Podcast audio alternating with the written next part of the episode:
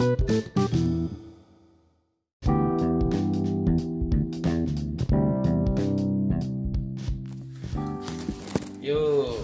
balik lagi bersama gua Ervan Setio dalam podcast X podcast. Ya Bim ya? X podcast ya kan? Yo, man. dengan temen gua yang bernama siapa?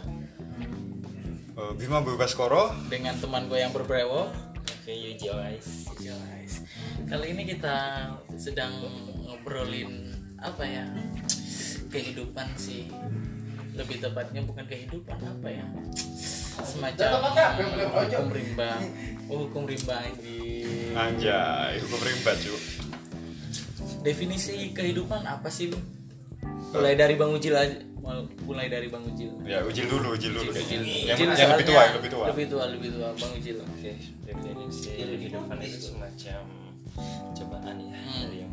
Das muncul dan hijau plus sih. jalanin aja. Plus.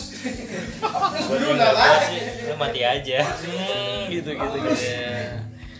Plus. kalau menurut Bima Bima apa sih Eh, kalau menurut gua sendiri sih definisi Ah, plus kehidupan.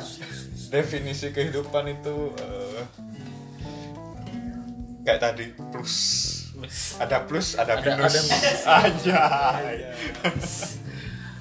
kalau menurut gua definisi kehidupan hidup. Hidup Pikiran ya enak, awalnya hidup.